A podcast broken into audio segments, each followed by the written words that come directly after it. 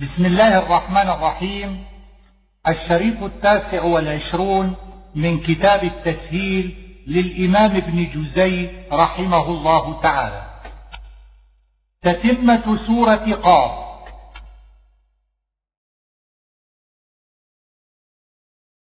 أفعينا بالخلق الأول؟ يقال عي بالأمر إذا لم يعرف علمه. والخلق الأول خلق الإنسان من نطفة ثم من علقة وقيل يعني خلق آدم وقيل خلق السماوات والأرض والأول أظهر. ومقصود الآية الاستدلال بالخلقة الأولى على البعث والهمزة للإنكار بل هم في لبس من خلق جديد أي هم في شك من البعث. وإنما نكر الخلق الجديد لأنه كان غير معروف عند الكفار المخاطبين وعرف الخلق الأول لأنه معروف معهود. ولقد خلقنا الإنسان يعني جنس الإنسان. ومعنى توسوس به نفسه تحدثه نفسه في فكرتها. وذلك أخفى الأشياء. وقيل يعني آدم. ووسوسته عند أكله من الشجرة والأول أظهر وأشهر. ونحن أقرب إليه من حبل الوريد. هو عرق كبير في العنق. وهما, وهما وريدان عن يمين وشمال. وهذا مثل في فرق القرب والمراد به قرب علم الله واطلاعه على عبده وإضافة الحبل إلى الوريد كقولك مسجد الجامع أو يراد بالحبل العاتق. إذ يتلقى المتلقيان يعني الملكين الحافظين الكاتبين للأعمال. والتلقي هو تلقي الكلام بحفظه وكتابته والعامل في إذ نحن أقرب. وقيل مضمر تقديره اذكر واختاره ابن عطية. عن اليمين وعن الشمال قعيد أي قاعد وقيل مقاعد بمعنى مجالس.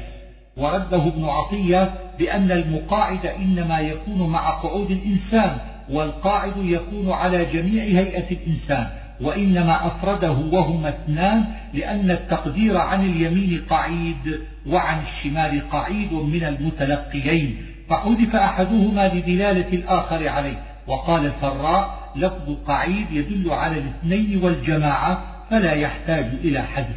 ما يلفظ من قول إلا لديه رقيب عتيد العتيد الحاضر. وفي الحديث أن رسول الله صلى الله عليه وسلم قال إن مقعد الملكين على الشفتين قلمها اللسان ومدادها الريق. وعموم الآية يقتضي أن الملكين يكتبان جميع أعمال العبد ولذلك قال الحسن وقتادة يكتبان جميع الكلام فيثبت الله من ذلك الحسنات والسيئات ويمحو غير ذلك. وقال عكرمة إنما تكتب الحسنات والسيئات لا غير. وجاءت سكرة الموت بالحق أي بلقاء الله أو فراق الدنيا. وفي مصحف عبد الله بن مسعود وجاءت سكرة الحق بالموت وكذلك قرأها أبو بكر الصديق وإنما قال جاءت بالماضي لتحقق الأمر وقربه وكذلك ما بعده من الأفعال. ذلك ما كنت منه تحيد أي تفر وتهرب. والخطاب للإنسان سائق وشهيد السائق ملك يسوقه وأما الشهيد فقيل ملك آخر. يشهد عليه وهو الأظهر وقيل صحائف الأعمال وقيل جوارح الإنسان. لقد كنت في غفلة من هذا. خطاب للإنسان الذي يقتضيه قوله كل نفس يريد أنه كان غافلا عما لقي في الآخرة. وقيل هو خطاب لسيدنا محمد صلى الله عليه وآله وسلم أي كنت في غفلة من هذا القصص وهذا في غاية الضعف. لأنه خروج عن سياق الكلام. فكشفنا عنك غطاءك. قيل كشف الغطاء معاينته أمور الآخرة. فبصرك اليوم حديد. أي يبصر ما لم يبصره ما لم يبصره قبل. قال رسول الله صلى الله عليه وآله وسلم الناس نيام فإذا ماتوا انتبهوا. وقال قرينه هذا ما لدي عتيد. القرين هنا الشيطان الذي كان يضويه. وقيل الملك الذي يتولى عذابه في جهنم والأول أرجح لأنه هو القرين المذكور بعد ولقوله نقيض له شيطانا فهو له قرين. ومعنى قوله هذا ما لدي عتيد أي هذا الإنسان حاضر لدي أعتدته ويسرته لجهنم. وكذلك المعنى إن قلنا إن القرين هو الملك السائق وإن قلنا إنه أحد الزبانية فمعناه هذا العذاب لدي حاضر ويحتمل أن يكون ما في قوله ما لدي موصوفة أو موصولة. فإن كانت موصوفة فعتيد وصف لها وإن كانت موصولة فعتيد بدل منها أو خبر بعد خبر أو خبر مبتدأ محذوف وما هي خبر المبتدأ على هذه الوجوه. ويحتمل أن يكون عتيد الخبر وتكون ما بدلا من هذا أو منصوبة بفعل مضمر ألقيا في جهنم. الخطاب للملكين السائق والشهيد. وقيل إنه خطاب لواحد على أن يكون بالنون المؤكدة الخفيفة ثم أبدل منها ألف أو على أن يكون معناه ألق ألق مثنى مبالغة وتأكيدا أو على أن يكون على عادة العرب من مخاطبة الاثنين كقولهم خليلي وصاحبي وهذا كله تكلف بعيد. ومما يدل على أن الخطاب الاثنين قوله فألقياه في العذاب الشديد. مناع للخير. قيل مناع للزكاة المفروضة والصحيح العموم. مريب شاك في الدين. فهو من الريب بمعنى الشك الذي جعل يحتمل أن يكون مبتدأ وخبره فألقياه وأدخل فيه ألفا لتضمنه معنى الشر أو يكون بدلا أو صفة ويكون فألقياه تكرارا للتوقيت. قال قرينه ربنا ما أطغيته. القرين هنا شيطانه الذي وكل به في الدنيا بلا خلاف.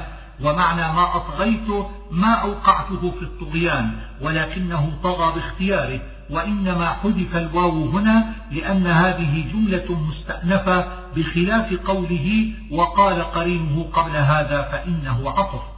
لا تختصموا لدي خطاب للناس وقرنائهم من الشياطين. ما يبدل القول لدي؟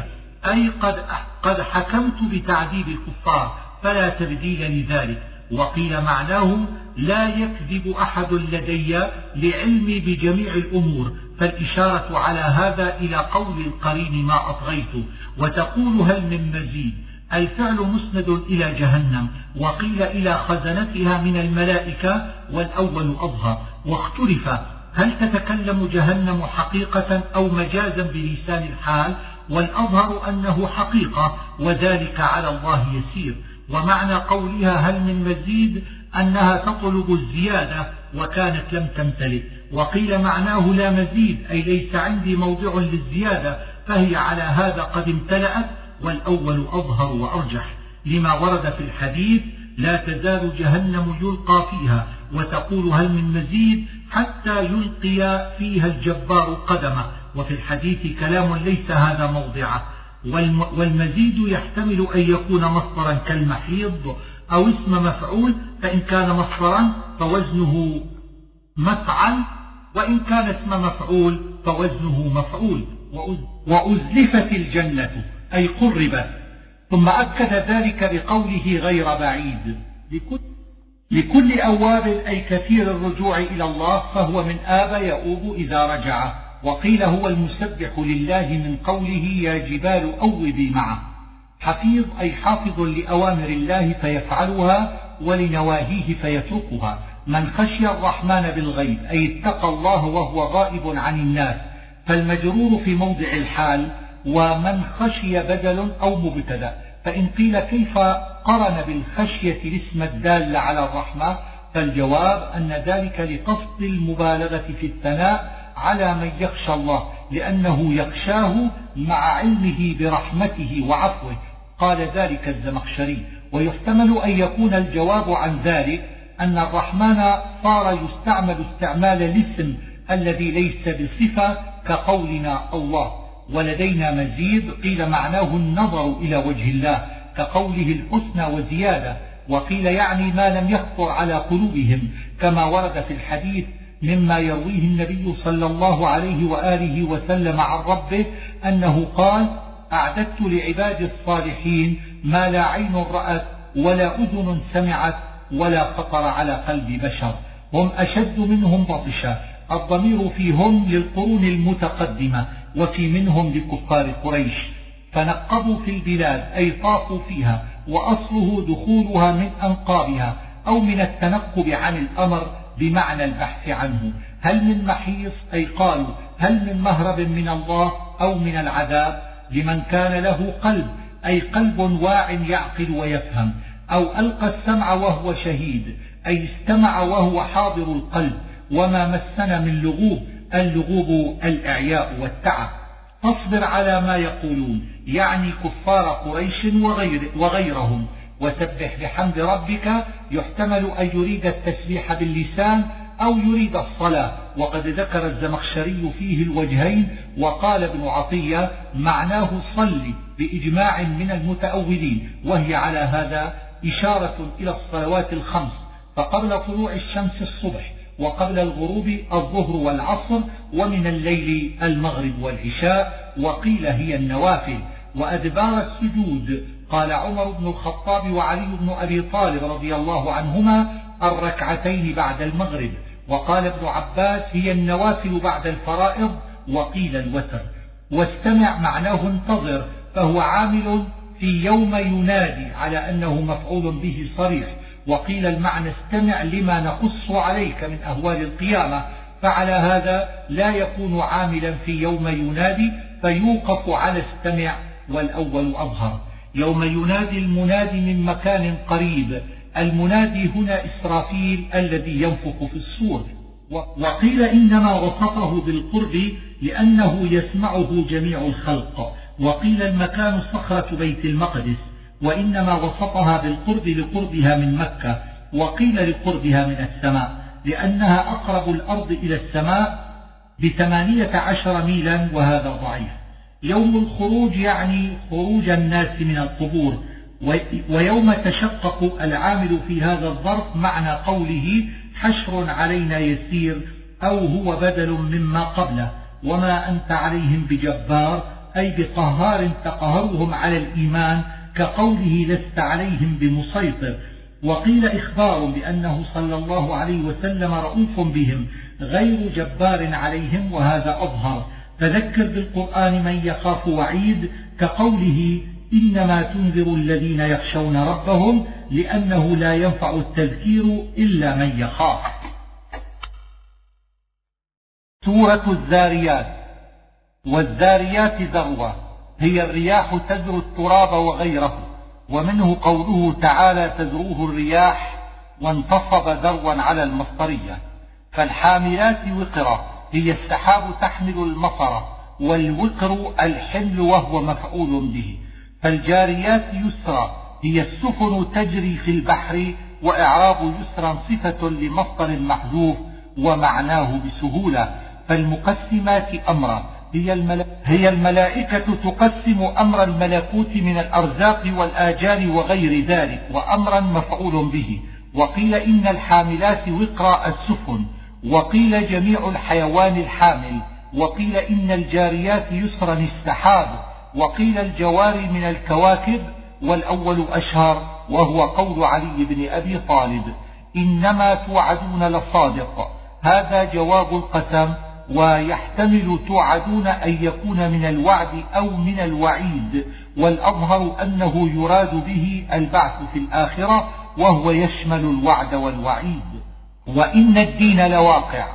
الدين هنا الجزاء وقيل الحساب والسماء ذات الحبك أي ذات الطرائق مثل الطرائق التي تكون في الماء إذا هبت عليه الرياح. وكذلك حبك الزرع وهي الطرائق التي فيه. وقيل الحبك النجوم وقيل زينة السماء وقيل حسن خلقتها وواحد الحبك حباك أو حبيكة إنكم لفي قول مختلف. يحتمل أن يكون خطابا لجميع الناس لأنهم اختلفوا فمنهم مؤمن ومنهم كافر. ويحتمل أن يكون خطابا للكفار خاصة لأنهم اختلفوا فقال بعضهم ساحر وقال بعضهم كاهن وقال بعضهم شاعر. يؤفك عنه من أفك. معنى يؤفك يصرف والضمير في عنه يحتمل أربعة أوجه أحدها أن يكون للنبي صلى الله عليه وآله وسلم أو للقرآن أو للإسلام. والمعنى يصرف عن الإيمان به من صرف أي من سبق في علم الله أنه مصروف.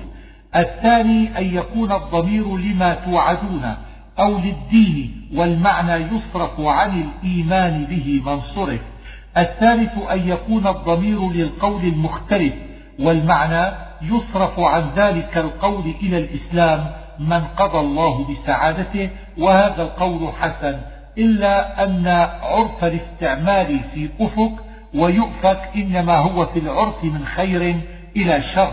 وهذا من شر إلى خير.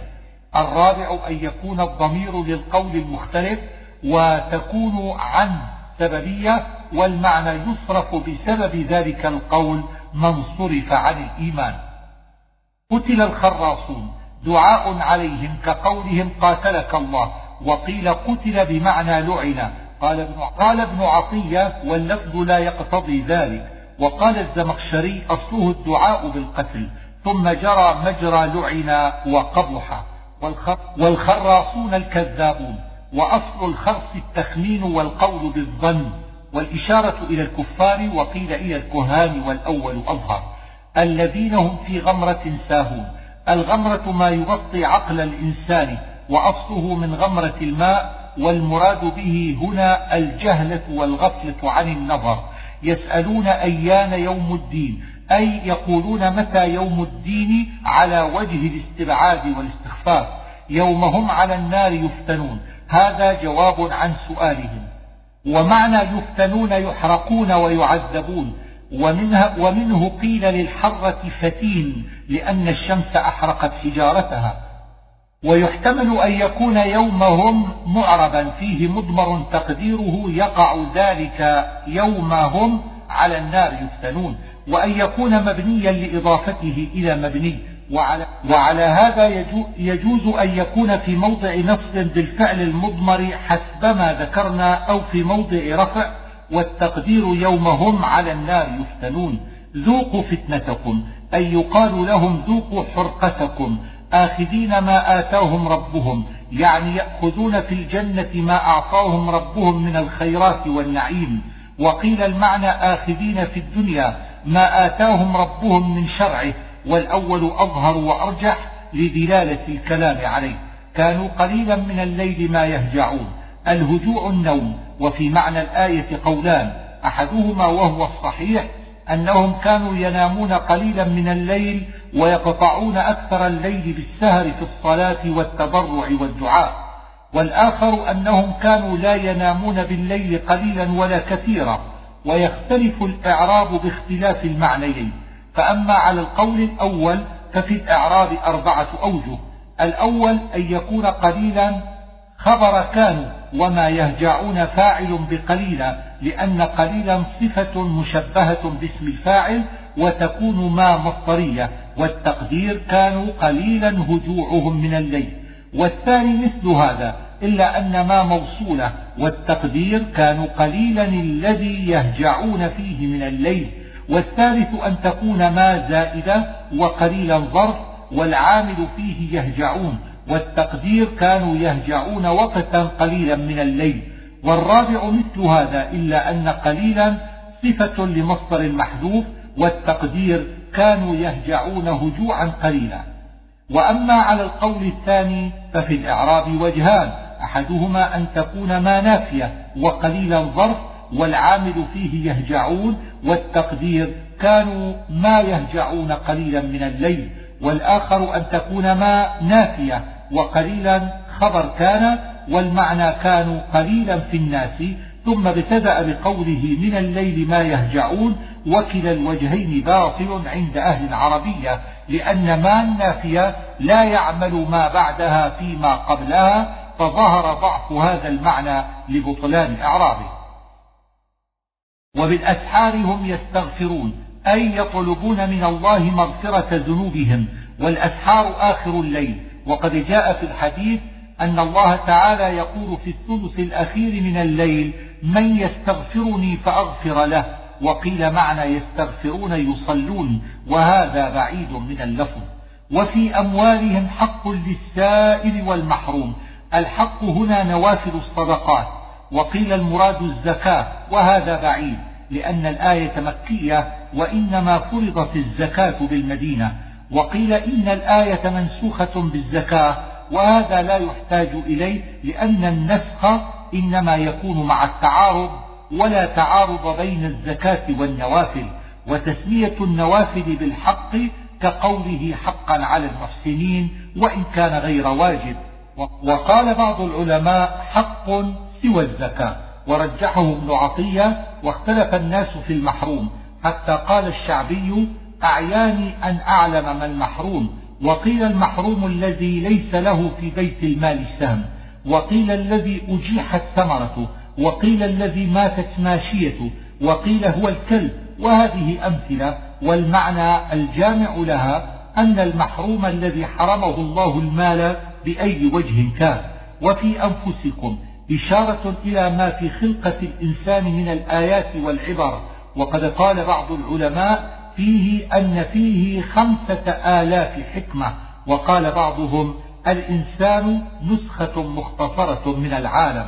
وفي السماء رزقكم وما توعدون. معنى في السماء رزقكم المطر. وقيل القضاء والقدر. ويحتمل أن يكون ما توعدون من الوعد والوعيد والكل في السماء. ولذلك قيل يعني الجنة والنار وقيل الخير والشر. إنه لحق. هذا جواب القسم.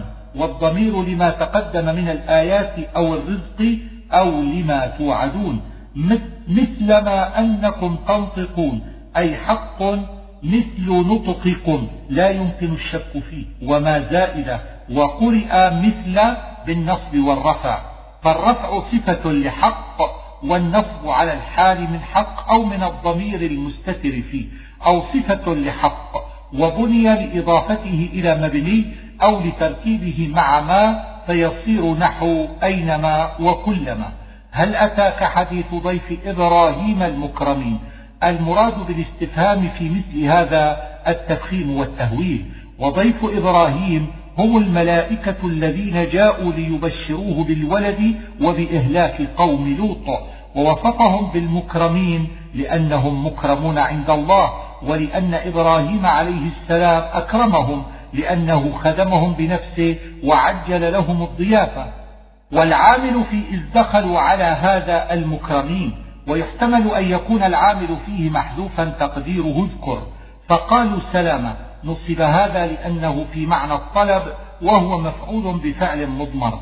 ورفع الثاني لأنه خبر تقديره أمر سلام وهذا على أن يكون السلام بمعنى السلامة إن كان بمعنى التحية. فإنما رفع الثاني ليدل على إثبات السلام.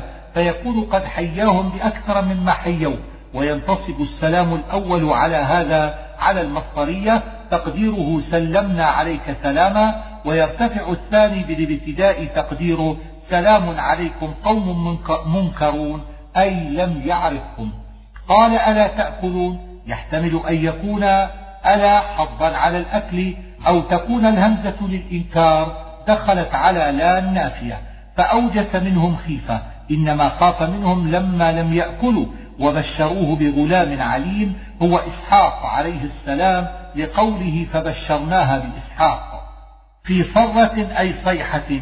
وذلك قولها يا ويلتى أألد وأنا عجوز وهو من صر القلم وغيره إذا صوت.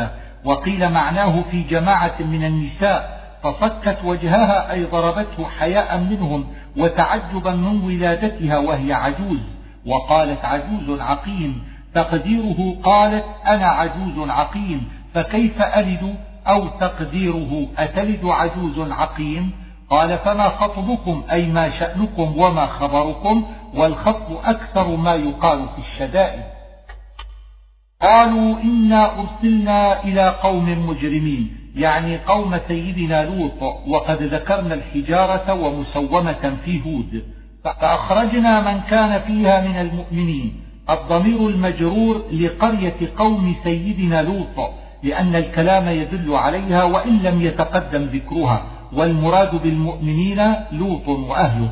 أمرهم الله بالخروج من القرية لينجوا من العذاب الذي أصاب أهلها ووصفهم بالمؤمنين وبالمسلمين لأنهم جمعوا الوصفين. وقد ذكرنا معنى الإسلام والإيمان في الأحزاب. وفي موسى معطوف على قوله وفي الأرض آيات للموقنين أو على قوله وتركنا فيها آية فتولى بركنه معنى تولى أعرض عن الإيمان وركنه سلطانه وقوته. وقالوا ساحر أو مجنون أي قالوا إن موسى ساحر أو مجنون فأو للشك أو للتقسيم. وقيل بمعنى الواو وهذا ضعيف ولا يستقيم هنا. وهو مليم أي فعل ما يلام عليه يعني فرعون. الريح العقيم. وصفها بالعقم لأنها لا بركة فيها من إنشاء المطر أو إلقاح الشجر كالرميم أي الفاني المنقطع والعموم هنا يراد به الخصوص فيما أذن للريح أن تهلك. وفي ثمود إذ قيل لهم تمتعوا حتى حين فيه قولان أحدهما أن الحين هي الثلاثة الأيام بعد عقرهم الناقة والآخر أن الحين من بعد ما بعث صالح عليه السلام إلى حين هلاكهم. وعلى هذا يكون فعتوا مترتبا بعد تمتعهم. وأما على الأول فيكون إخبارا عن حالهم غير مرتب على ما قبله. فأخذتهم الصاعقة يعني الصيحة التي صاحها جبريل وهم ينظرون أي يعاينونها لأنها كانت بالنهار والسماء بنيناها بأيد أي بقوة وانتصاب السماء بفعل مضمر. وإنا لموسعون. فيه ثلاثة أقوال. أحدها أن معناه قادرون فهو من الوسع وهو الطاقة. ومنه على الموسع قدره أي القوي على الإنفاق. والآخر جعلنا السماء واسعة أو جعلنا بينها وبين الأرض سعة. والثالث أوسعنا الأرزاق بمطر السماء. فنعم الماهدون الماهد الموطئ للموضع. ومن كل شيء خلقنا زوجين أي نوعين مختلفين كالليل والنهار والسواد والبياض والصحة والمرض وغير ذلك. ففروا إلى الله. أمر بالرجوع إليه بالتوبة والطاعة. وفي اللفظ تحذير وترهيب. أتواصوا به توقيف وتعجيب أي هم بمثابة من أوصى بعضهم بعضا أن يقول ذلك. فتول عنهم منسوخ بالسيف فما أنت بملوم أي قد بلغت الرسالة فلا لوم عليك وما خلقت الجن والإنس إلا ليعبدون قيل معناه خلقتهم لكي آمرهم بعبادتي وقيل ليتذللوا لي فإن جميع الإنس والجن متذلل ما أريد منهم من رزق أي ما أريد أن يرزقوا أنفسهم ولا غيرهم وما أريد أن يطعمون أي لا أريد أن يطعموني لأني منزه عن الأكل وعن صفات البشر وأنا غني عن العالمين. وقيل المعنى ما أريد أن يطعموا عبيدي فحذف المضاف تجوزا. وقيل معناه ما أريد أن ينفعوني لأني غني عنهم وعبر عن النفع العام بالإطعام والأول أظهر. المتين أي الشديد القوة فإن للذين ظلموا ذنوبا الذنوب النصيب ويريد به هنا نصيبا من العذاب وأصل الذنوب الدلو والمراد بالذين ظلموا كفار قريش وبأصحابهم من تقدم من الكفار. فويل للذين كفروا من يومهم الذي يوعدون. يحتمل أن يريد يوم القيامة أو يوم هلاكهم ببدر. والأول أرجح لقوله في المعارج ذلك اليوم الذي كانوا يوعدون يعني يوم القيامة. سورة الطور. والطور هو الجبل الذي كلم الله عليه موسى عليه السلام. وقيل الطور كل جبل فكأنه أقسم بجنس الجبال. وكتاب مسطور قيل هو اللوح المحفوظ وقيل القرآن وقيل صحائف الأعمال. في رق منشور الرق في اللغة الصحيفة وخصصت في العرف بما كان من جلد والمنشور خلاف المطوي. والبيت المعمور هو بيت في السماء السابعة يدخله كل يوم سبعون ألف ملك لا يعودون إليه أبدا وبهذا عمرانه وهو حيال الكعبة وقيل البيت المعمور الكعبة وعمرانها بالحجاج والطائفين والأول أظهر وهو قول علي وابن عباس والسقف المرفوع يعني السماء. والبحر المسجور هو بحر الدنيا وقيل بحر في السماء تحت العرش والأول أظهر وأشهر. ومعنى المسجور المملوء ماء وقيل الفارغ من الماء. ويروى أن البحار يذهب ماؤها يوم القيامة واللغة تقتضي الوجهين لأن اللفظ من الأضداد. وقيل معناه الموقد نارا من قولك سجرت التنور واللغة أيضا تقتضي هذا. وروي أن جهنم في البحر. إن عذاب ربك لواقع. هذا جواب القسم ويعني عذاب الآخرة.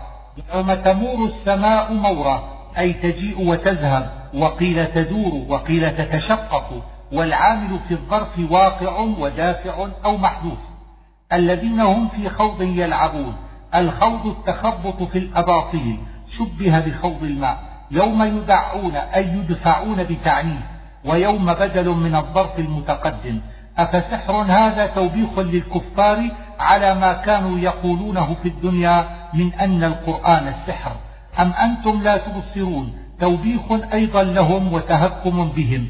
أي هل أنتم لا تبصرون هذا العذاب الذي حل بكم؟ كما كنتم في الدنيا لا تبصرون الحقائق. اصبروا أو لا تصبروا. ليس المراد بذلك الأمر بالصبر ولا النهي عنه. وإنما المراد التسوية بين الصبر وعدمه في أن كل واحد من الحالين لا ينفعهم ولا يخفف عنهم شيئا من العذاب.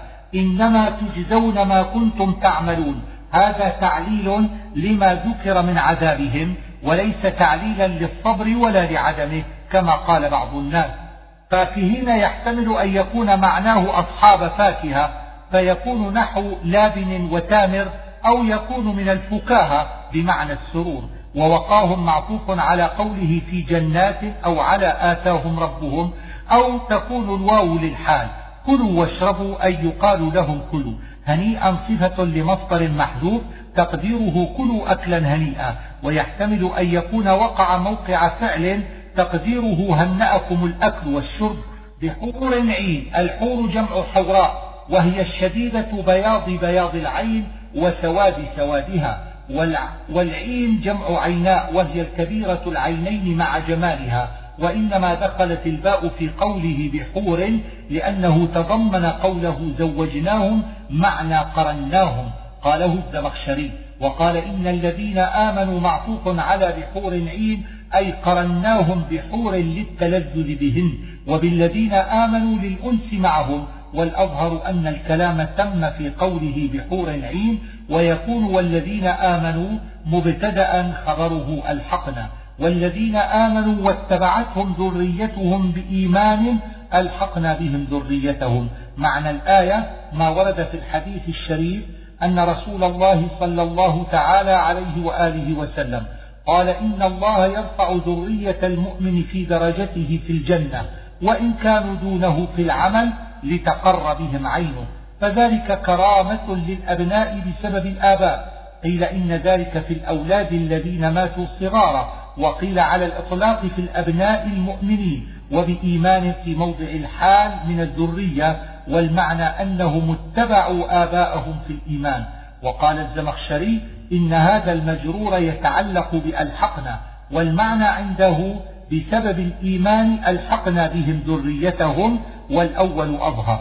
فإن قيل لما قال بإيمان بالتنكير فالجواب أن المعنى بشيء من الإيمان لم يكونوا به أهلا لدرجة آبائهم ولكنهم لحقوا بهم كرامة للآباء. فالمراد تقليل إيمان الذرية ولكنه رفع درجتهم. فكيف إذا كان إيمانا عظيما؟ وما ألتناهم من عملهم من شيء أي ما أنقصناهم من ثواب أعمالهم بل وفينا لهم أجورهم. وقيل المعنى ألحقنا ذريتهم بهم وما نقصناهم شيئا من ثواب أعمالهم بسبب ذلك بل فعلنا ذلك تفضلا زيادة إلى ثواب أعمالهم. والضمير على القولين يعود على الذين آمنوا وقيل إنه يعود على الذرية. كل امرئ بما كسب رهين أي مرتهن فإما أن تنجيه حسناته وإما أن تهلكه سيئاته. وأمددناهم بفاكهة. الإمداد هو الزيادة مرة بعد مرة يتنازعون فيها كأسا أي يتعاطونها إذ هم جلساء على الشراب لا, لا لغو فيها ولا تأثيم. اللغو الكلام الساقط والتأثيم الذنب فهي بخلاف خمر الدنيا. غلمان لهم يعني خدامهم كأنهم لؤلؤ مكنون اللؤلؤ الجوهر والمكنون المصون وذلك لحسنه وقيل هو الذي لم يخرج من الصدق قالوا إنا كنا قبل في أهلنا مشفقين أي كنا في الدنيا خائفين من الله والإشفاق شدة الخوف. السموم أشد الحر وقيل هو من أسماء جهنم. إنا كنا من قبل ندعوه يحتمل أن يكون بمعنى نعبده أو من الدعاء بمعنى الرغبة ومن قبل يعنون في الدنيا قبل لقاء الله. إنه هو البر الرحيم البر الذي يبر عباده ويحسن إليهم. وقرئ أنه بفتح الهمزة على أن يكون مفعولا من أجله أو يكون هذا اللفظ هو المدعو به وقرئ بكسرها على الاستئناف. فذكر فما أنت بنعمة ربك بكاهن ولا مجنون. هذا خطاب للنبي صلى الله عليه وسلم أي ذكر الناس. ثم نفى عنه ما نسبه إليه الكفار من الكهانة والجنون ومعنى بنعمة ربك بسبب إنعام الله عليك. أم يقولون شاعر نتربص به ريب المنون؟ أم في هذا الموضع وفيما بعده للاستفهام بمعنى الإنكار والتربص الانتظار وريب المنون حوادث الدهر وقيل الموت. وكانت قريش قد قالت إنما هو شاعر ننتظر به ريب المنون فيهلك كما هلك من كان قبله من الشعراء كزهير والنابغة. قلت, قل تربصوا أمر على وجه التهديد. أم تأمرهم أحلامهم بهذا؟ الأحلام العقول. أي كيف تأمرهم عقولهم بهذا؟ والإشارة إلى قولهم هو شاعر. أو إلى ما هم عليه من الكفر والتكذيب وإسناد الأمر إلى الأحلام مجاز كقوله أصلاتك تأمرك. أم هم قوم طاغون أم هنا بمعنى بل ويحتمل أن تكون بمعنى بل وهمزة الاستفهام بمعنى الإنكار كما هي في هذه المواضع كلها. أم يقولون تقوله أي اختلقه من تلقاء نفسه وضمير الفاعل لرسول الله صلى الله عليه وسلم وضمير المفعول للقرآن. فليأتوا بحديث مثله رد عليهم وإقامة حجة عليهم والأمر هنا للتعجيز أم خلقوا من غير شيء؟ فيه ثلاثة أقوال. أحدها أن معناه أم خلقوا من غير رب أنشأهم واستعبدهم فهم من أجل ذلك لا يعبدون الله. الثاني أم خلقوا من غير أب ولا أم كالجمادات فهم لا يؤمرون ولا ينهون كحال الجمادات. الثالث أم خلقوا من غير أن يحاسبوا ولا يجازوا بأعمالهم. فهو على هذا كقوله أفحسبتم أنما خلقناكم عبثا؟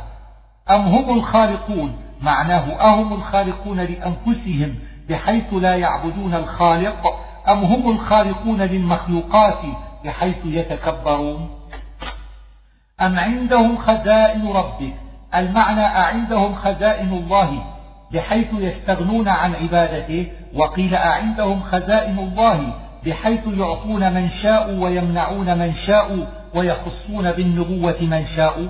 أم هم المسيطرون أي الأرباب الغالبون وقيل المسيطر المسلط القاهر أم لهم سلم يستمعون فيه. يعني, يعني أم لهم سلم يصعدون به إلى السماء فيسمعون ما تقول الملائكة بحيث يعلمون صحة دعواهم ثم عجزهم بقوله فليأت مستمعهم بسلطان مبين أي بحجة واضحة على دعواهم. أم تسألهم أجرا فهم من مغرم مثقلون؟ معناه أتسألهم على الإسلام أجرة فيثقل عليهم غرمها فيشق عليهم اتباعه. أم عندهم الغيب فهم يكتبون؟ المعنى أعندهم علم اللوح المحفوظ. فهم يكتبون ما فيه حتى يقولوا لا نبعث وإن بعثنا لا نعذب. وقيل المعنى فهم يكتبون للناس سننا وشرائع من عبادة الأصنام وتسييب السوائب وشبه ذلك. أم يريدون كيدا؟ إشارة إلى كيدهم في دار الندوة بالنبي صلى الله عليه وسلم حيث تشاوروا في قتله أو إخراجه. فالذين كفروا هم المكيدون أي المغلوبون في الكيد. والذين كفروا يعني من تقدم الكلام فيهم وهم كفار قريش فوضع الظاهر موضع المضمر ويحتمل أن يريد جميع الكفار. أم لهم إله غير الله؟ المعنى هل لهم إله غير الله يعصمهم من عذاب الله ويمنعهم منه؟ وحصر الله في هذه الآية جميع المعاني التي توجب التكبر والبعد من الدخول في الإسلام ونفاها عنهم ليبين أن تكبرهم من غير موجب وكفرهم من غير حجة. وإن يروا كسفا من السماء ساقطا يقول سحاب مركوم. كانوا قد طلبوا أن ينزل عليهم كسفا من السماء. فالمعنى أنهم لو رأوا الكسف ساقطا عليهم لبلغ بهم الطغيان والجهل والعناد أن يقولوا ليس بكسف وإنما هو سحاب مركوم. أي كثيف بعضه فوق بعض فذرهم منسوخ بالسيف يومهم الذي فيه يصعقون يعني يوم القيامة والصعقة فيه هي النفخة الأولى وقيل غير ذلك والصحيح ما ذكرنا لقوله في المعارج عن يوم القيامة ذلك اليوم الذي كانوا يوعدون عذابا دون ذلك يعني قتلهم يوم بدر وقيل الجوع بالقحط وقيل عذاب القبر. واصبر لحكم ربك أي اصبر على تكذيبهم لك وإمهالنا لهم فإنا نريك. وسبح بحمد ربك حين تقوم فيه ثلاثة أقوال. أحدها أنه قول سبحان الله ومعنى حين تقوم من كل مجلس. وقيل أراد حين تقوم وتقعد وفي كل حال وجعل القيام مثالا. الثاني أنه الصلوات النوافل والثالث أنه الصلوات الفرائض فحين تقوم الظهر والعصر أي حين تقوم من نوم القائلة ومن الليل المغرب والعشاء وإدبار النجوم الصبح ومن قال هي النوافل جعل إدبار النجوم ركعتي الفجر. سورة النجم. والنجم إذا هوى فيه ثلاثة أقوال. أحدها أنها الثريا لأنها غلب عليها التسمية بالنجم ومعنى هوى غرب وانتثر يوم القيامة. الثاني أنه جنس النجوم ومعنى هوى كما ذكرنا أو انقضت ترجم الشياطين. الثالث أنها من نجوم القرآن وهي الجملة التي تنزل وهوى على هذا معناه نزل. ما ضل صاحبكم وما غوى. هذا جواب القسم. والخطاب لقريش. وصاحبكم هو النبي صلى الله عليه وسلم فنفى عنه الضلال والغي.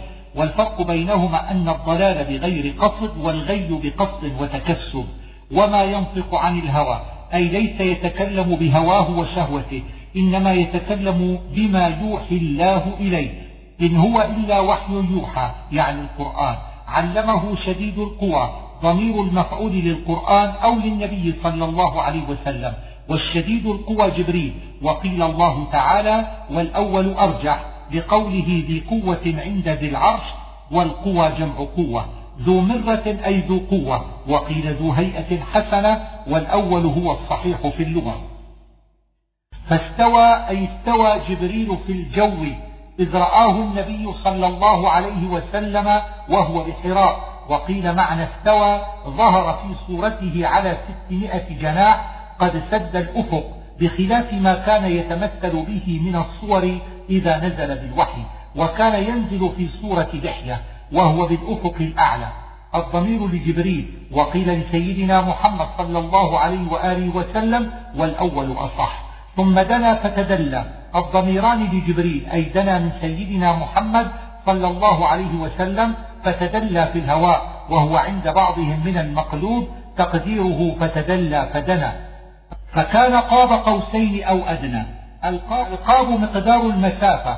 أي كان جبريل من سيدنا محمد عليهما الصلاة والسلام في القرب بمقدار قوسين عربيتين ومعناه من طرف العود إلى الطرف الآخر وليس من الوتر إلى العود وقيل ليس القوس التي يرمى بها وإنما هي ذراع تقاس بها المقادير ذكره الثعلبي. وقال إنه من لغة أهل الحجاز وتقدير الكلام فكان مقدار مسافة جبريل من سيدنا محمد عليهما الصلاة والسلام مثل قاب قوسين ثم حذفت هذه المضافات ومعنى أو أدنى أو أقرب وأو هنا مثل قوله أو يزيدون وأشبه التأويلات فيها أنه إذا نظر إليه البشر احتمل عنده أن يكون قاب قوسين أو يكون أدنى. وهذا الذي ذكرنا أن هذه الضمائر المتقدمة لجبريل هو الصحيح وقد ورد ذلك عن رسول الله صلى الله عليه وآله وسلم في الحديث الصحيح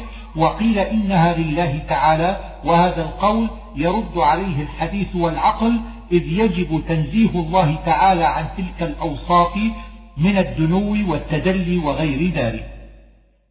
فأوحى إلى عبده ما أوحى. في هذه الضمائر ثلاثة أقوال. الأول أن المعنى أوحى الله إلى عبده محمد صلى الله عليه وآله وسلم ما أوحى. الثاني أوحى الله إلى عبده جبريل ما أوحى وعاد الضمير على الله في القولين لأن سياق الكلام يقتضي ذلك وإن لم يتقدم ذكره فهو كقوله إنا أنزلناه في ليلة القدر. الثالث أوحى جبريل إلى عبد الله محمد ما أوحى وفي قوله ما أوحى إبهام مراد. يقتضي التفخيم والتعظيم. ما كذب الفؤاد ما رأى أي ما كذب فؤاد محمد صلى الله عليه وسلم ما رآه بعينه بل صدق بقلبه أن الذي رآه بعينه حق والذي رأى هو جبريل يعني حين رآه بمقدار ملء الأفق. وقيل رأى ملكوت السماوات والأرض والأول أرجح في قوله ولقد رآه نزة أخرى وقيل الذي رآه هو الله تعالى وقد أنكرت ذلك عائشة. وسئل رسول الله صلى الله عليه وسلم هل رأيت ربك؟ فقال نور أن أراه. أفتمارونه على ما يرى؟ هذا خطاب لقريش. والمعنى أتجادلونه على ما يرى؟ وكانت قريش قد كذبت لما قال إنه رأى ما رأى. ولقد رآه نزة أخرى. أي لقد رأى محمد جبريل عليهما الصلاة والسلام مرة أخرى وهو ليلة الإسراء وقيل ضمير المفعول لله تعالى وأنكرت ذلك عائشة وقالت من زعم أن محمدا رأى ربه ليلة الإسراء فقد أعظم الفرية على الله تعالى.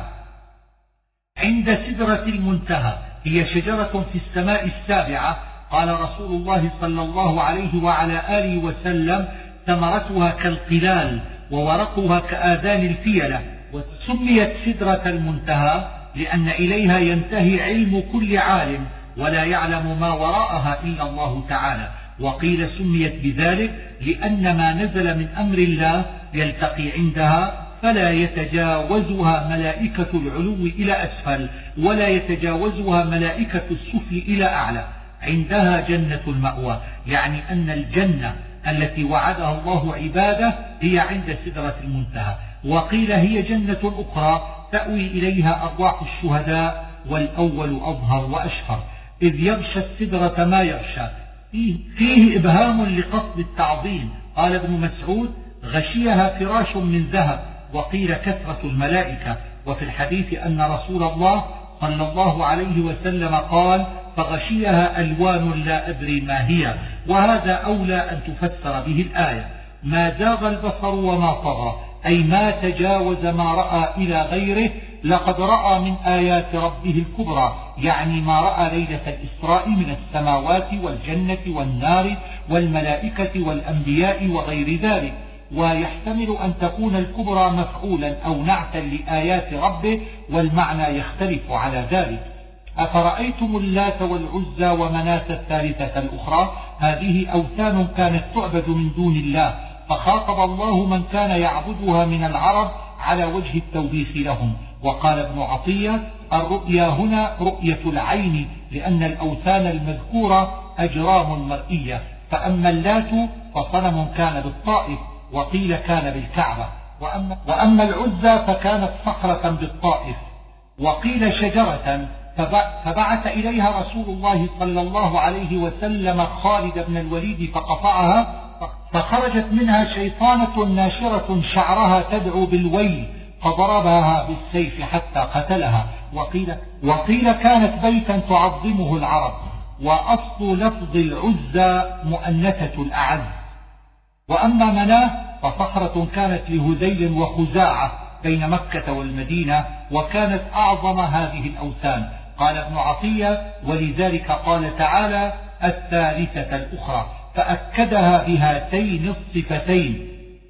وقال الزمخشري الأخرى ذم وتحقير أي المتأخرة الوضيعة القدر ومنه وقالت أخراهم لأولاهم ألكم الذكر وله الأنثى؟ كانوا يقولون إن الملائكة وهذه الأوثان بنات الله. فأنكر الله, فأنكر الله عليهم ذلك. أي كيف تجعلون لأنفسكم الأولاد الذكور وتجعلون لله البنات التي هي عندكم حقيرة بغيضة؟ وقد ذكر هذا المعنى في النحل وغيرها. ويحتمل أن يكون أنكر عليهم جعل هذه الأوثان شركاء لله تعالى مع أنهن إناث والإناث حقيرة بغيضة عندهم تلك إذا قسمة ضيزة أي هذه القسمة التي قسمتم جائرة غير عادلة يعني جعلهم الذكور لأنفسهم والإناث لله تعالى. ووزن ضيزة فعل بضم الفاء ولكنها كسرت لأجل الياء التي بعدها. إن هي إلا أسماء سميتموها. الضمير للأوثان وقد ذكر هذا المعنى في الأعراف في قوله أتجادلونني في أسماء. إن يتبعون إلا الظن يعني أنهم يقولون أقوالا بغير حجة كقولهم إن الملائكة بنات الله وقولهم إن الأصنام تشفع لنا وغير ذلك. أم للإنسان ما تمنى أم هنا للإنكار؟ والإنسان هنا جنس بني آدم أي ليس, أي ليس لأحد ما يتمنى بل الأمر بيد الله. وقيل إن الإشارة إلى ما طمع فيه الكفار من شفاعة الأصنام وقيل إلى قول العاص بن وائل لأوتين مالا وولدا وقيل هو تمني بعضهم أن يكون نبيا والأحسن حمل اللفظ على إطلاقه. وكم من ملك في السماوات الآية؟ رد على الكفار في قولهم إن الأوثان تشفع لهم كأنه يقول الملائكة الكرام لا تغني شفاعتهم شيئا إلا بإذن الله فكيف أوثانكم؟ إلا من بعد أن يأذن الله لمن يشاء ويرضى. معناه أن الملائكة لا يشفعون لشخص إلا بعد أن يأذن الله لهم في الشفاعة فيه ويرضى عنه. ليسمون الملائكة تسمية الأنثى يعني قولهم إن الملائكة بنات الله ثم رد عليهم بقوله وما لهم به من علم. ذلك مبلغهم من العلم. أي إلى ذلك انتهى علمهم لأنهم علموا ما ينفع في الدنيا ولم يعلموا ما ينفع في الآخرة. ليجزي اللام متعلقة بمعنى ما قبلها والتقدير أن الله ملك أمر السماوات والأرض ليجزي الذين أساءوا بما عملوا وقيل يتعلق بضل واهتدى كبائر الإثم. ذكرنا الكبائر في النساء إلا اللمم فيه أربعة أقوال. الأول أنها صغائر الذنوب فالاستثناء على هذا منقطع. الثاني أنه الإلمام بالذنوب على وجه الفلتة والسقطة دون دوام عليها. الثالث, الثالث أنه ما ألموا به في الجاهلية من الشرك والمعاصي. الرابع أنه الهم بالذنوب وحديث النفس به دون أن يفعل. أجنة جمع جنين. فلا تزكوا أنفسهم أي لا تنسبوا أنفسكم إلى الصلاح والخير. قال ابن عطية ويحتمل أن يكون نهى عن أن يزكي بعض الناس بعضا وهذا بعيد لأنه, تج لأنه تجوز التزكية في الشهادة وغيرها. أفرأيت الذي تولى الآية؟ نزلت في الوليد بن المغيرة وقيل نزلت في العاص بن وائل. وأكدى أي قطع العطاء وأمسك. وإبراهيم الذي وفى قيل وفى طاعة الله في ذبح ولده. وقيل وفي تبليغ الرسالة. وقيل وفي شرائع الإسلام وقيل وفي الكلمات التي ابتلاه الله بهن وقيل وفي هذه العشر الآيات ألا تزر وازرة وزر أخرى ذكر فيما تقدم وهذه الجملة تفسير لما في صحف إبراهيم وموسى عليهما السلام وأن ليس للإنسان إلا ما سعى السعي هنا بمعنى العمل وظاهرها أنه لا ينتفع أحد بعمل غيره وهي حجة لمالك في قوله لا يصوم أحد عن وليه إذا مات وعليه الصيام. واتفق العلماء على أن الأعمال المالية كالصدقة والعتق يجوز أن يفعلها الإنسان عن غيره ويصل نفعها إلى من فعلت عنه. واختلفوا في الأعمال البدنية كالصلاة والصيام. وقيل إن هذه الآية منسوخة بقوله ألحقنا بهم ذريتهم والصحيح أنها محكمة لأنها خبر والأخبار لا تنسخ. وفي تأويلها ثلاثة أقوال. الأول أنها إخبار عما كان في شريعة غيرنا فلا يلزم في شريعتنا. الثاني أن للإنسان ما عمل بحق وله ما عمل له غيره بهبة العامل له. فجاءت الآية في إثبات الحقيقة دون ما زاد عليها. الثالث أنها في الذنوب وقد اتفق أنه لا يحتمل أحد ذنب أحد. ويدل على هذا قوله بعدها ألا تزر وازرة وزر أخرى وكأنه يقول لا يؤاخذ أحد بذنب غيره ولا يؤاخذ إلا بذنب نفسه. وأن سعيه سوف يرى. قيل معناه يراه الخلق يوم القيامة. والأظهر أنه صاحبه لقوله فمن يعمل مثقال ذرة خيرا يرى وأن إلى ربك المنتهى. فيه قولان. أحدهما أن معناه إلى الله المصير في الآخرة والآخر أن معناها أن العلوم تنتهي إلى الله ثم يقف العلماء عند ذلك. وروي أن رسول الله صلى الله عليه وسلم قال لا فكرة في الرب وأنه هو أضحك وأبكى. قيل معناه أضحك أهل الجنة وأبكى أهل النار وهذا تخصيص لا دليل عليه. وقيل أبكى السماء بالمطر وأضحك الأرض بالنبات وهذا مجاز. وقيل خلق في بني آدم الضحك والبكاء. والصحيح أنه عبارة عن الفرح والحزن لأن الضحك دليل على السرور والفرح كما أن البكاء دليل على الحزن. فالمعنى أن الله تعالى أحزن من شاء من عباده وأسر من شاء. وأمات وأحيا يعني الحياة المعروفة والموت المعروف. وقيل أحيا بالإيمان وأمات بالكفر والأول أرجح لأنه حقيقة. من نطفة يعني المني. إذا تمنى من قولك أمن الرجل إذا خرج منه المني. النشأة الأخرى يعني إعادة للحشر. وأقنى يعني أكسب عباده المال. وهو من قنية المال وهو كسبه وادخاره. وقيل معنى أقنى أفقر وهذا لا تقتضيه اللغة. وقيل معناه أرضى وقيل قنع عبده. الشعر نجم في السماء وتسمى كلب الجبار وهما شعريان وهما الغميصاء والعبور وخصها بالذكر دون سائر النجوم لأن بعض العرب كان يعبدها. عادم الأولى وصفها بالأولى لأنها كانت في قديم الزمان فهي الأولى بالإضافة إلى الأمم المتأخرة. وقيل إنما سميت أولى لأن ثم عادا أخرى. متأخرة وهذا لا يصح. وقرأ نافع عاد الأولى بإدغام تنوين عاد في لام الأولى بحذف الهمزة ونقل حركتها إلى اللام.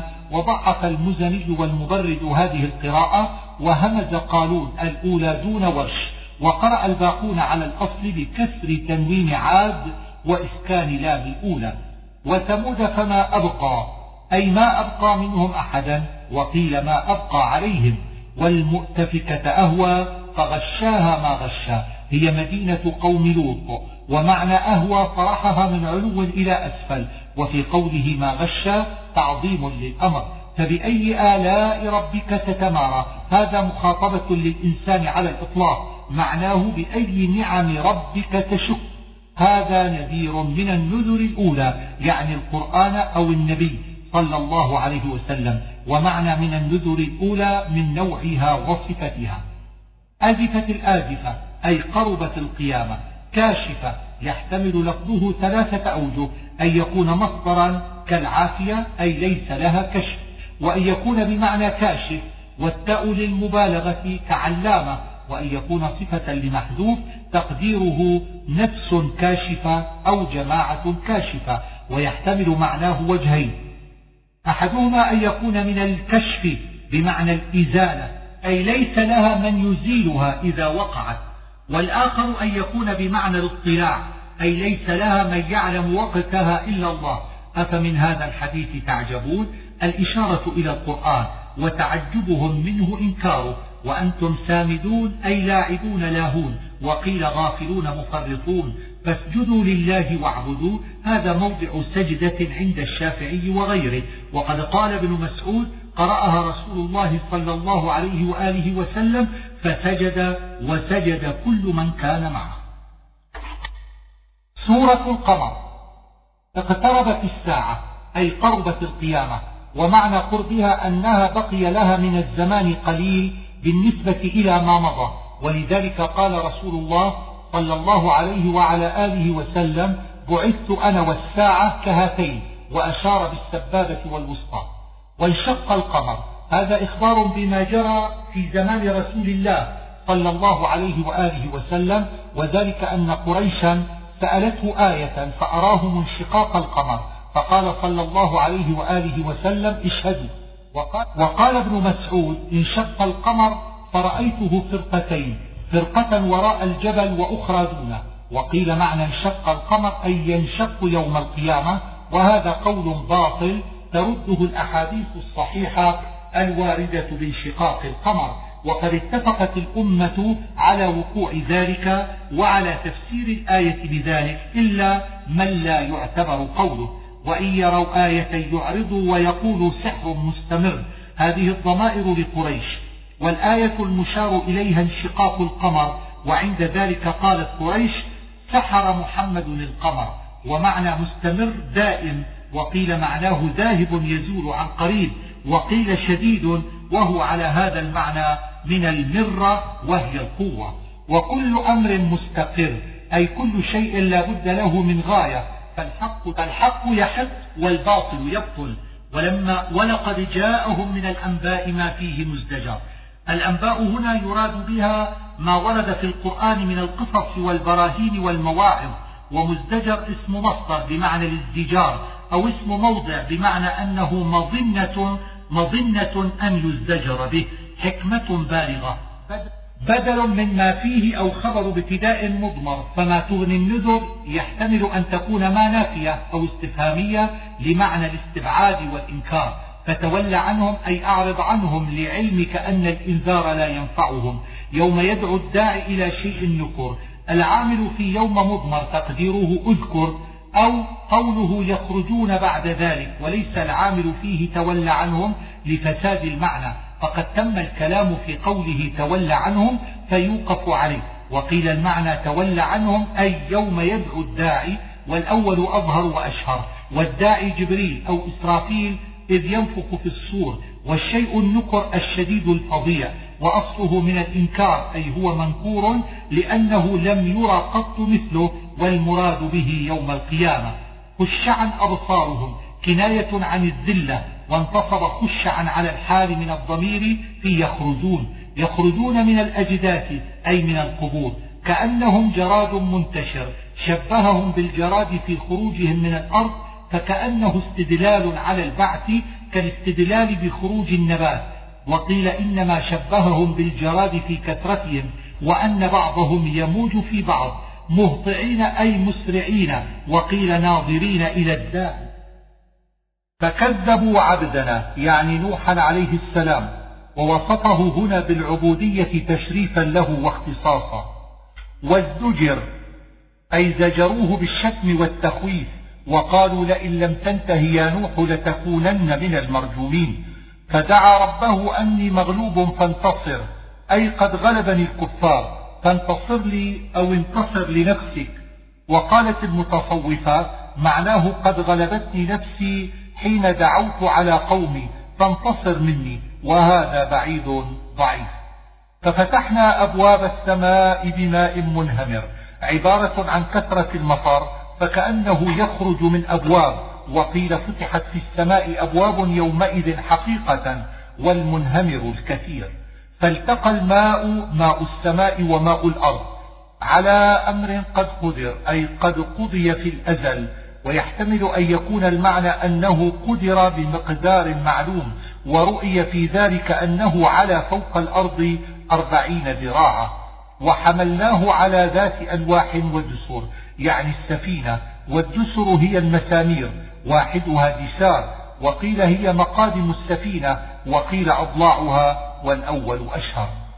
تجري بأعيننا عبارة عن حفظ الله ورعيه لها. جزاء لمن كان كفر أي جزاء لنوح وقيل جزاء جزاء لله تعالى. والأول أظهر وانتصب جزاء على أنه مفعول من أجله. والعامل فيه ما تقدم من فتح أبواب السماء وما بعده من الأفعال. أي جعلنا ذلك كله جزاء لنوح. ويحتمل أن يكون قوله كفر من الكفر بالدين والتقدير لمن كفر به. فحذف الضمير أو يكون من الكفر بالنعمة لأن نوحا عليه السلام نعمة من الله كفرها قومه فلا يحتاج على هذا إلى الضمير المحذوف. ولقد تركناها آية الضمير للقصة المذكورة أو الفعلة أو السفينة وروي في هذا المعنى أنها بقيت على الجودي حتى نظر إليها أوائل هذه الأمة. فهل من مدكر تحضيض على الادكار فيه ملاطفة جميلة من الله لعباده ووزن مدكر مفتعل وأصله مدتكر ثم أبدل من التاء دالا وأدغمت فيها الدال. فكيف كان عذابي ونذر؟ توقيف فيه تهديد لقريش والنذر جمع نذير. ولقد يسرنا القرآن للذكر أي يسرناه للحفظ. وهذا معلوم بالمشاهدة فإنه يحفظه الأطفال الأصاغر وغيرهم حفظا بالغا بخلاف غيره من الكتب. وقد روي أنه لم يحفظ شيء من كتب الله عن ظهر قلب إلا القرآن. وقيل معنى الآية سهلناه للفهم والاتعاظ به لما تضمن من البراهين والحكم البليغة. وإنما كرر هذه الآية البليغة وقوله فذوقوا عذابي ونذر لينبه السامع عند كل قصة فيعتبر بها. إذ كل قصة من القصص التي ذكرت عبرة وموعظة فختم كل واحدة بما يوقظ السامع من الوعيد في قوله فكيف كان عذابي ونذر؟ ومن الملاطفة في قوله ولقد يسرنا القرآن للذكر فهل من مدكر؟ ريحا صرصرا أي مصوتة فهو من الصرير بمعنى الصوت وقيل معناه باردة فهو من الصر يوم نحس مستمر. روي أنه كان يوم أربعاء حتى رأى بعضهم أن كل يوم أربعاء نحس. وروي أن رسول الله صلى الله عليه وآله وسلم قال آخر أربعاء من الشهر يوم نحس مستمر. تنزع الناس. أي تقلعهم من مواضعهم كأنهم أعجاز نخل منقعر. أعجاز النخل هي أصولها والمنقعر المنقطع. فشبه الله عادا لما هلكوا بذلك لأنهم طوال عظام الأجساد كالنخل. وقيل كانت الريح تقطع رؤوسهم فتبقي أجسادا بلا رؤوس. فشبههم بأعجاز النخل لأنها دون أغصان. وقيل كانوا حفروا حفرا يمتنعون بها من الريح فهلكوا فيها فشبههم بأعجاز النخل إذا كانت في حفرها. أبشرا هو صالح عليه السلام وانتصب بفعل مضمر والمعنى أنهم أنكروا أن يتبعوا بشرا وطلبوا أن يكون الرسول من الملائكة ثم زادوا إلى أن أنكروا أن يتبعوا واحدا وهم جماعة كثيرون. وسعر أي عناد وقيل معناه هم وغم وأصله من السعير بمعنى النار وكأنه احتراق النفس بالهم ألقي الذكر عليه من بيننا؟ أنكروا أن يخصه الله بالنبوة دونهم وذلك جهل منهم فإن الفضل بيد الله يؤتيه من يشاء. أشر بطر متكبر ونبئهم أن الماء قسمة بينهم أي لهم يوم وللناقة يوم من غير أن يتعدوا على الناقة. فالضمير في نبئهم يعود على ثمود وعلى الناقة تغليبا للعقلاء. وقيل إن الضمير لثمود والمعنى لا يتعدى بعضهم على بعض. كل شرب محتضر أي مشهود. فنادوا صاحبهم يعني عاقر الناقة واسمه قدار وهو أحيمر ثمود وأشقاها. فتعاطى أي اجترأ على أمر عظيم وهو عقر الناقة. وقيل تعاطى السيف.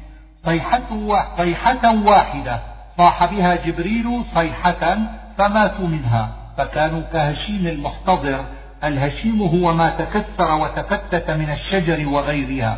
والمحتضر الذي يعمل الحظيرة وهي حائط من الأغصان أو القصب ونحو ذلك. أو يكون تحقيقا للمواشي أو السكنى فشبه الله ثمود لما هلكوا بما يتفتت من الحظيرة من الأوراق وغيرها.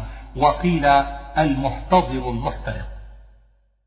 حاصبا ذكر في العنكبوت فتماروا بالنذر تشككوا. ولقد راودوه عن ضيفه فطمسنا أعينهم. الضيف هنا هم الملائكة الذين أرسلهم الله إلى لوط ليهلكوا قومه. وكان قومه قد ظنوا أنهم من بني آدم وأرادوا منهم الفاحشة. فطمس الله على أعينهم فاستوت مع وجوههم وقيل إن الطمس عبارة عن عدم رؤيتهم لهم وأنهم دخلوا منزل لوط فلم يروا فيه أحدا. أكفاركم خير من أولئكم؟ هذا خطاب لقريش على وجه التهديد والهمزة للإنكار ومعناه هل الكفار منكم خير عند الله من الكفار المتقدمين المذكورين بحيث أهلكناهم لما كذبوا الرسل. وتنجون أنتم وقد كذبتم رسلكم بل الذي أهلكهم يهلككم. أم لكم براءة في الزبر؟ معناه أم لكم في كتاب الله براءة من العذاب؟ أم يقولون نحن جميع منتصر أي نحن نجتمع وننتصر لأنفسنا بالقتال؟ سيهزم الجمع ويولون الدبر. هذا وعد من الله لرسوله بأنه سيهزم جمع قريش وقد ظهر ذلك يوم بدر وفتح مكة. إن المجرمين في ضلال وسعر. المراد بالمجرمين هنا الكفار وضلالهم في الدنيا والسعر لهم في الآخرة وهو الاحتراق. وقيل أراد بالمجرمين القدرية لقوله في الرد عليهم إنا كل شيء خلقناه بقدر والأول أظهر. يسحبون في النار أي يجرون فيها. إنا كل شيء خلقناه بقدر. المعنى أن الله خلق كل شيء بقدر أي بقضاء معلوم سابق في الأزل ويحتمل أن يكون معنى بقدر بمقدار في هيئته وصفته وغير ذلك والأول أرجح وفيه حجة لأهل السنة على القدرية. وانتصب كل شيء بفعل مضمر يفسره خلقناه. وما أمرنا إلا واحدة كلمح بالبصر عبارة عن سرعة التكوين ونفوذ أمر الله. والواحدة يراد بها الكلمة وهي قوله كن. ولقد أهلكنا أشياعكم يعني أشياعكم من الكفار. وكل شيء فعلوه في الزبر أي كل ما فعلوه مكتوب في صحائف الأعمال. مستطر أي مكتوب وهو من السطر. تقول سطرت واستطرت بمعنى واحد والمراد الصغير والكبير من أعمالهم. وقيل جميع الأشياء. ونهر يعني أنهار الماء والخمر واللبن والعسل واكتفى باسم الجنس. في مقعد صدق أي في مكان مرضي. سورة الرحمن عز وجل. الرحمن علم القرآن. هذا تعديد نعمة على من علمه الله القرآن. وقيل معنى علم القرآن جعله علامة وآية لسيدنا محمد صلى الله عليه وسلم والأول أظهر. وارتفع الرحمن بالابتداء والأفعال التي بعده أخبار متوالية ويدل على ذلك مجيئها بدون حرف عطف. خلق الإنسان قيل جنس الناس وقيل يعني آدم. وقيل يعني سيدنا محمد صلى الله عليه وسلم ولا دليل على التخصيص والأول أرجح.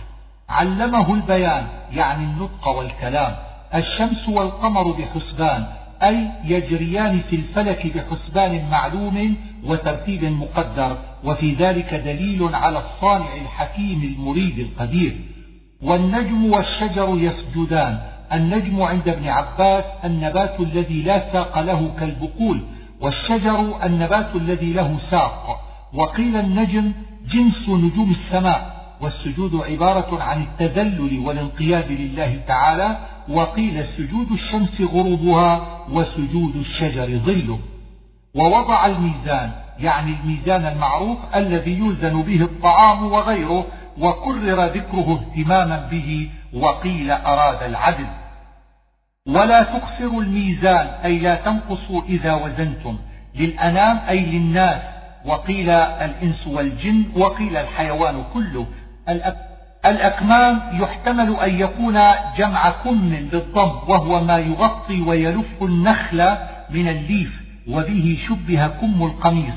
أو يكون جمع كم بكسر الكاف وهو غلاف الثمرة. العصف ورق الزرع وقيل التين. والريحان قيل هو الريحان المعروف وقيل كل مشموم طيب الريح من النبات وقيل هو الرزق. فبأي, فبأي آلاء ربكما تكذبان؟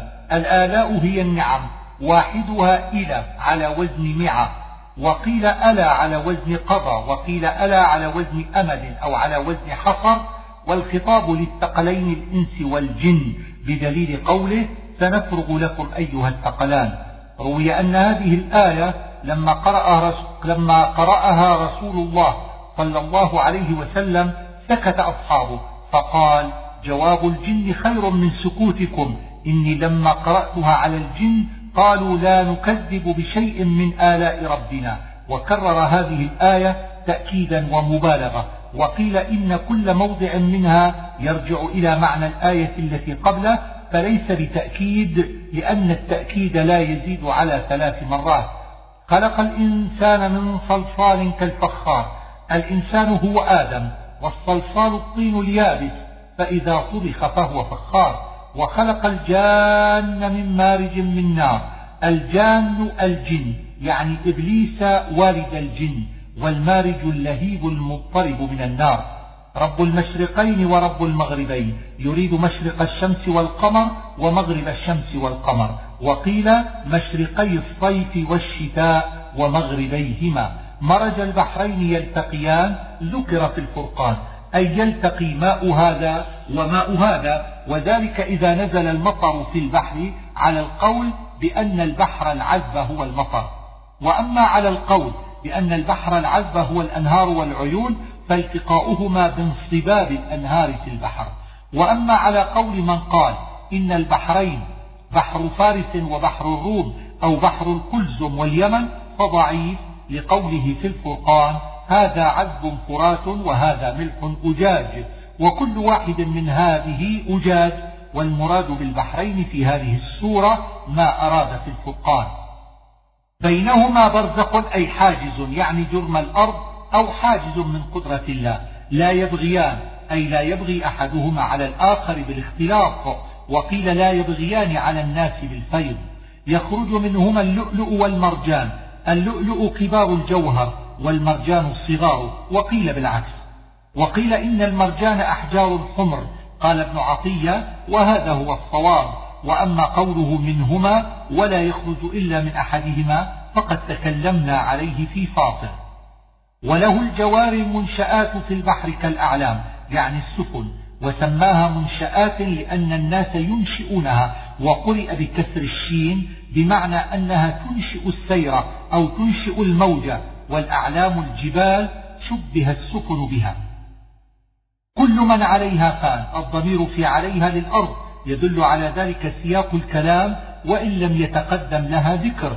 ويعني بمن عليها بني آدم وغيرهم من الحيوان ولكنه غلب العقلاء. ويبقى وجه ربك ذو الجلال والإكرام. الوجه هنا عبارة عن الذات وذو الجلال صفة للذات لأن من أسمائه تعالى الجليل ومعناه يقرب من معنى العظيم. وأما وصفه بالإكرام فيحتمل أن يكون بمعنى أنه يكرم عباده كما قال ولقد كرمنا بني آدم. أو بمعنى أن عباده يكرمونه بتوحيده وتسبيحه وعبادته. يسأله من في السماوات والأرض. المعنى أن كل من في السماوات والأرض يسأل حاجته من الله. فمنهم من يسأله بلسان المقال وهم المؤمنون ومنهم من يسأله بلسان الحال لافتقار الجميع إليه. كل يوم هو في شأن. المعنى أنه تعالى يتصرف في ملكوته تصرفا يظهر في كل يوم من العطاء والمنع والإماتة والإحياء وغير ذلك. وروي أن رسول الله صلى الله عليه وسلم قرأها فقيل له وما ذلك الشأن؟ قال من شأنه أن يغفر ذنبا ويفرج كربا ويرفع قوما ويضع آخرين. وسئل بعضهم كيف قال كل يوم هو في شأن والقلم قد جف بما هو كائن إلى يوم القيامة فقال هو في شأن يبديه لا في شأن يبتديه. سنفرغ لكم أيها الثقلان. معناه الوعيد. كقولك لمن تهدده سأفرغ لعقوبتك. وليس المراد التفرغ من شغل ويحتمل أن يريد انتهاء مدة الدنيا. وإنه حينئذ ينقضي شأنها فلا يبقى إلا شأن الآخرة. فعبر عن ذلك بالتفرغ. قال جعفر بن محمد سمى الإنس والجن ثقلين كأنهما ثقل الذنوب.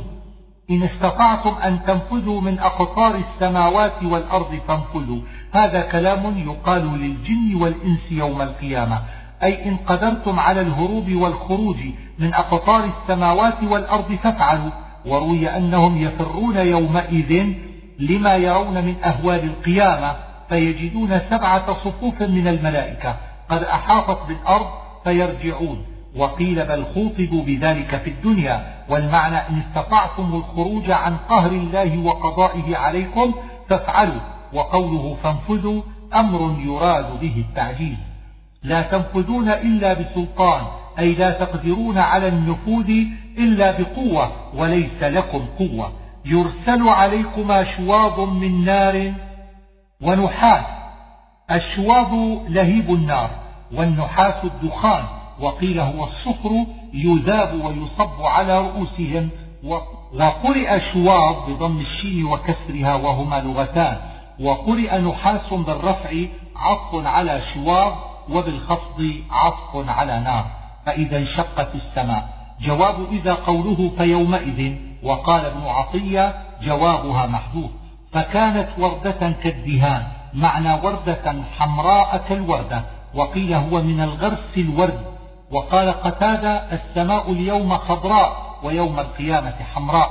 الدهان جمع دهن كالزيت وشبهه شبه السماء يوم القيامة به لأنها تذاب من شدة الهول وقيل يشبه لمعانها بلمعان الدهن. وقيل إن الدهان هو الجلد الأحمر. فيومئذ لا يسأل عن ذنبه إنس ولا جان. السؤال المنفي هنا هو على وجه الاستخبار وطلب المغفرة إذ لا يحتاج إلى ذلك لأن المجرمين يعرفون بسيماهم ولأن أعمالهم معلومة عند الله مكتوبة في صحائفهم. وأما السؤال الثابت في قوله فوربك لنسألنهم أجمعين وغيره فهو سؤال على وجه الحساب والتوبيخ فلا تعارض بين المنفي والمثبت. وقيل إن ذلك باختلاف المواطن والأول أحسن.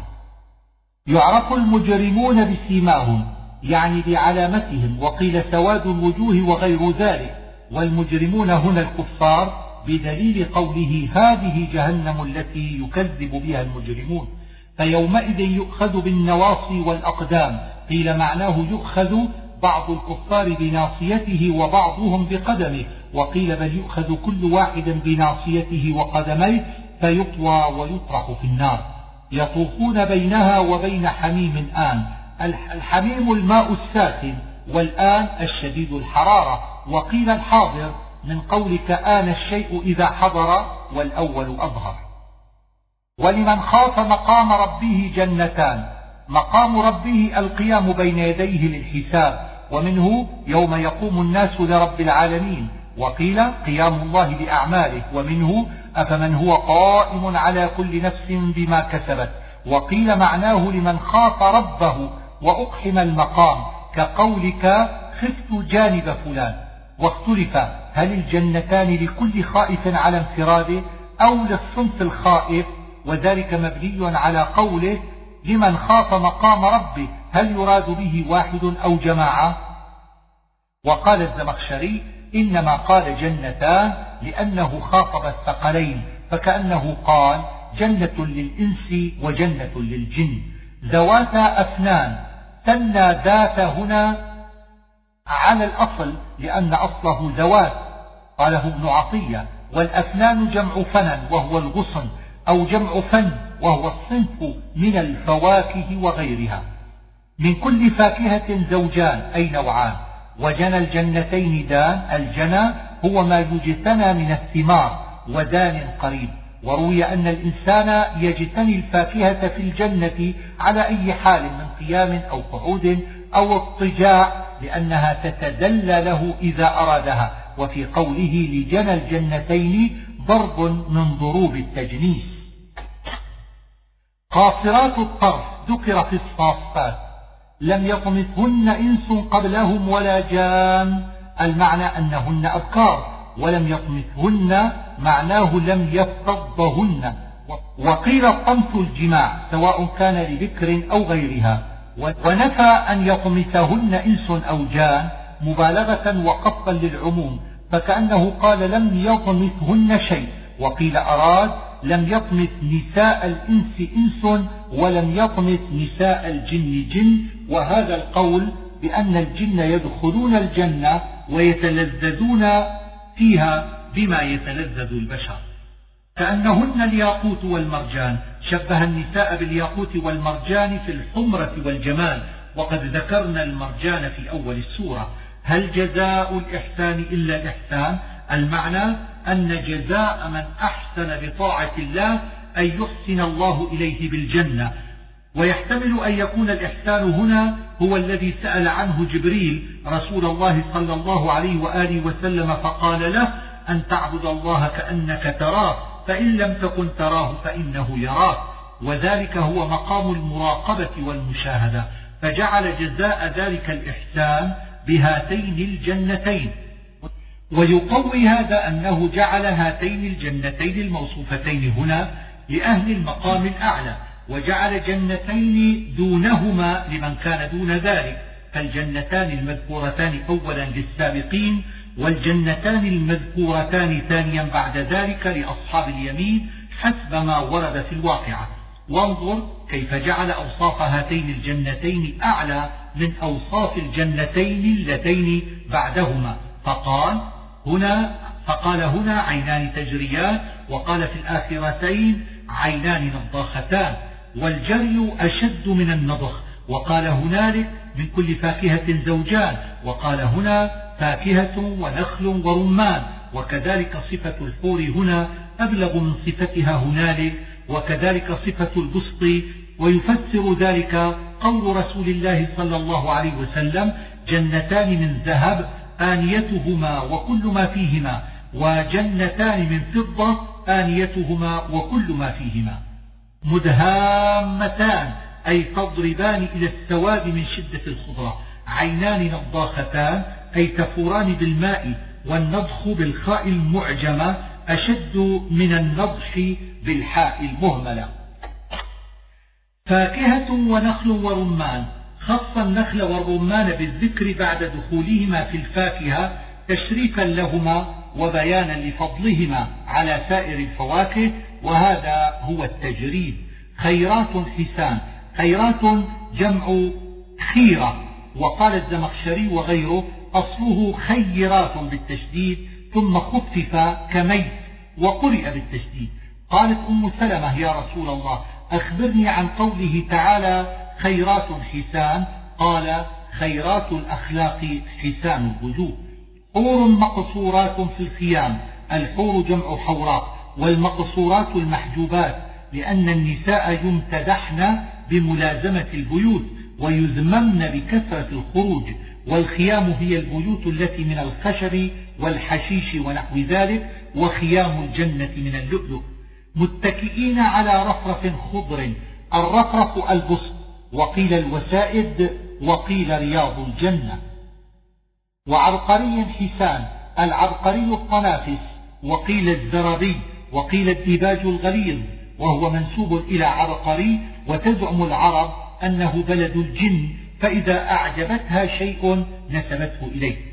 تبارك اسم ربك ذكر تبارك في الفرقان وغيرها والاسم هنا يراد به المسمى على الأظهر وقرأ الجمهور ذي الجلال بالياء صفة لربك وقرأ ابن عامر بالواو صفة للاسم وقد ذكر معنى ذي الجلال والإكرام. سورة الواقعة. روى ابن مسعود أن رسول الله صلى الله عليه وآله وسلم قال من قرأ سورة الواقعة لم تصبه فاقة أبدا. ولما حضرت ابن مسعود الوفاة قيل له ما تركت لبناتك؟ قال تركت لهن سورة الواقعة. إذا وقعت الواقعة يعني إذا قامت القيامة فالواقعة اسم من أسماء القيامة تدل على هولها كالطامة والصاخة. وقيل الواقعة الصيحة وهي النفخة في الصور. وقيل الواقعة صخرة بيت المقدس تقع يوم القيامة وهذا بعيد. ليس لوقعتها كاذبة يحتمل ثلاثة أوجه. الأول أن تكون الكاذبة مصدرا كالعافية والمعنى ليس لها كذب ولا رد. الثاني أن تكون كاذبة صفة محذوف كأن كأنه قال ليس لها حالة كاذبة أي هي صادقة الوقوع ولا بد. وهذا المعنى قريب من الأول. الثالث أن يكون التقدير ليس لها نفس كاذبة أي أي تكذيب في إنكار البعث لأن كل نفس تؤمن حينئذ. خافضة رافعة. تقديره هي خافضة رافعة. فينبغي أن يوقف على ما قبله لبيان المعنى والمراد بالخفض والرفع أنها تخفض أقواما إلى النار وترفع أقواما إلى الجنة. وقيل ذلك عبارة عن هولها لأن السماء تنشق والأرض تتزلزل وتمر والجبال تنسف فكأنها تخفض بعض هذه الأجرام وترفع بعضها. إذا رجت الأرض رجا أي زلزلت وحركت تحريكا شديدا وإذا هنا بدل من إذا وقعت ويحتمل أن يكون العامل فيه خافضة رافعة. وبست الجبال بسا أي فتتت وقيل سيرت. هباء منبثا الهباء ما يتطاير في الهواء من الأجزاء الدقيقة ولا تكاد ترى إلا في الشمس إذا دخلت على قوة قاله ابن عباس.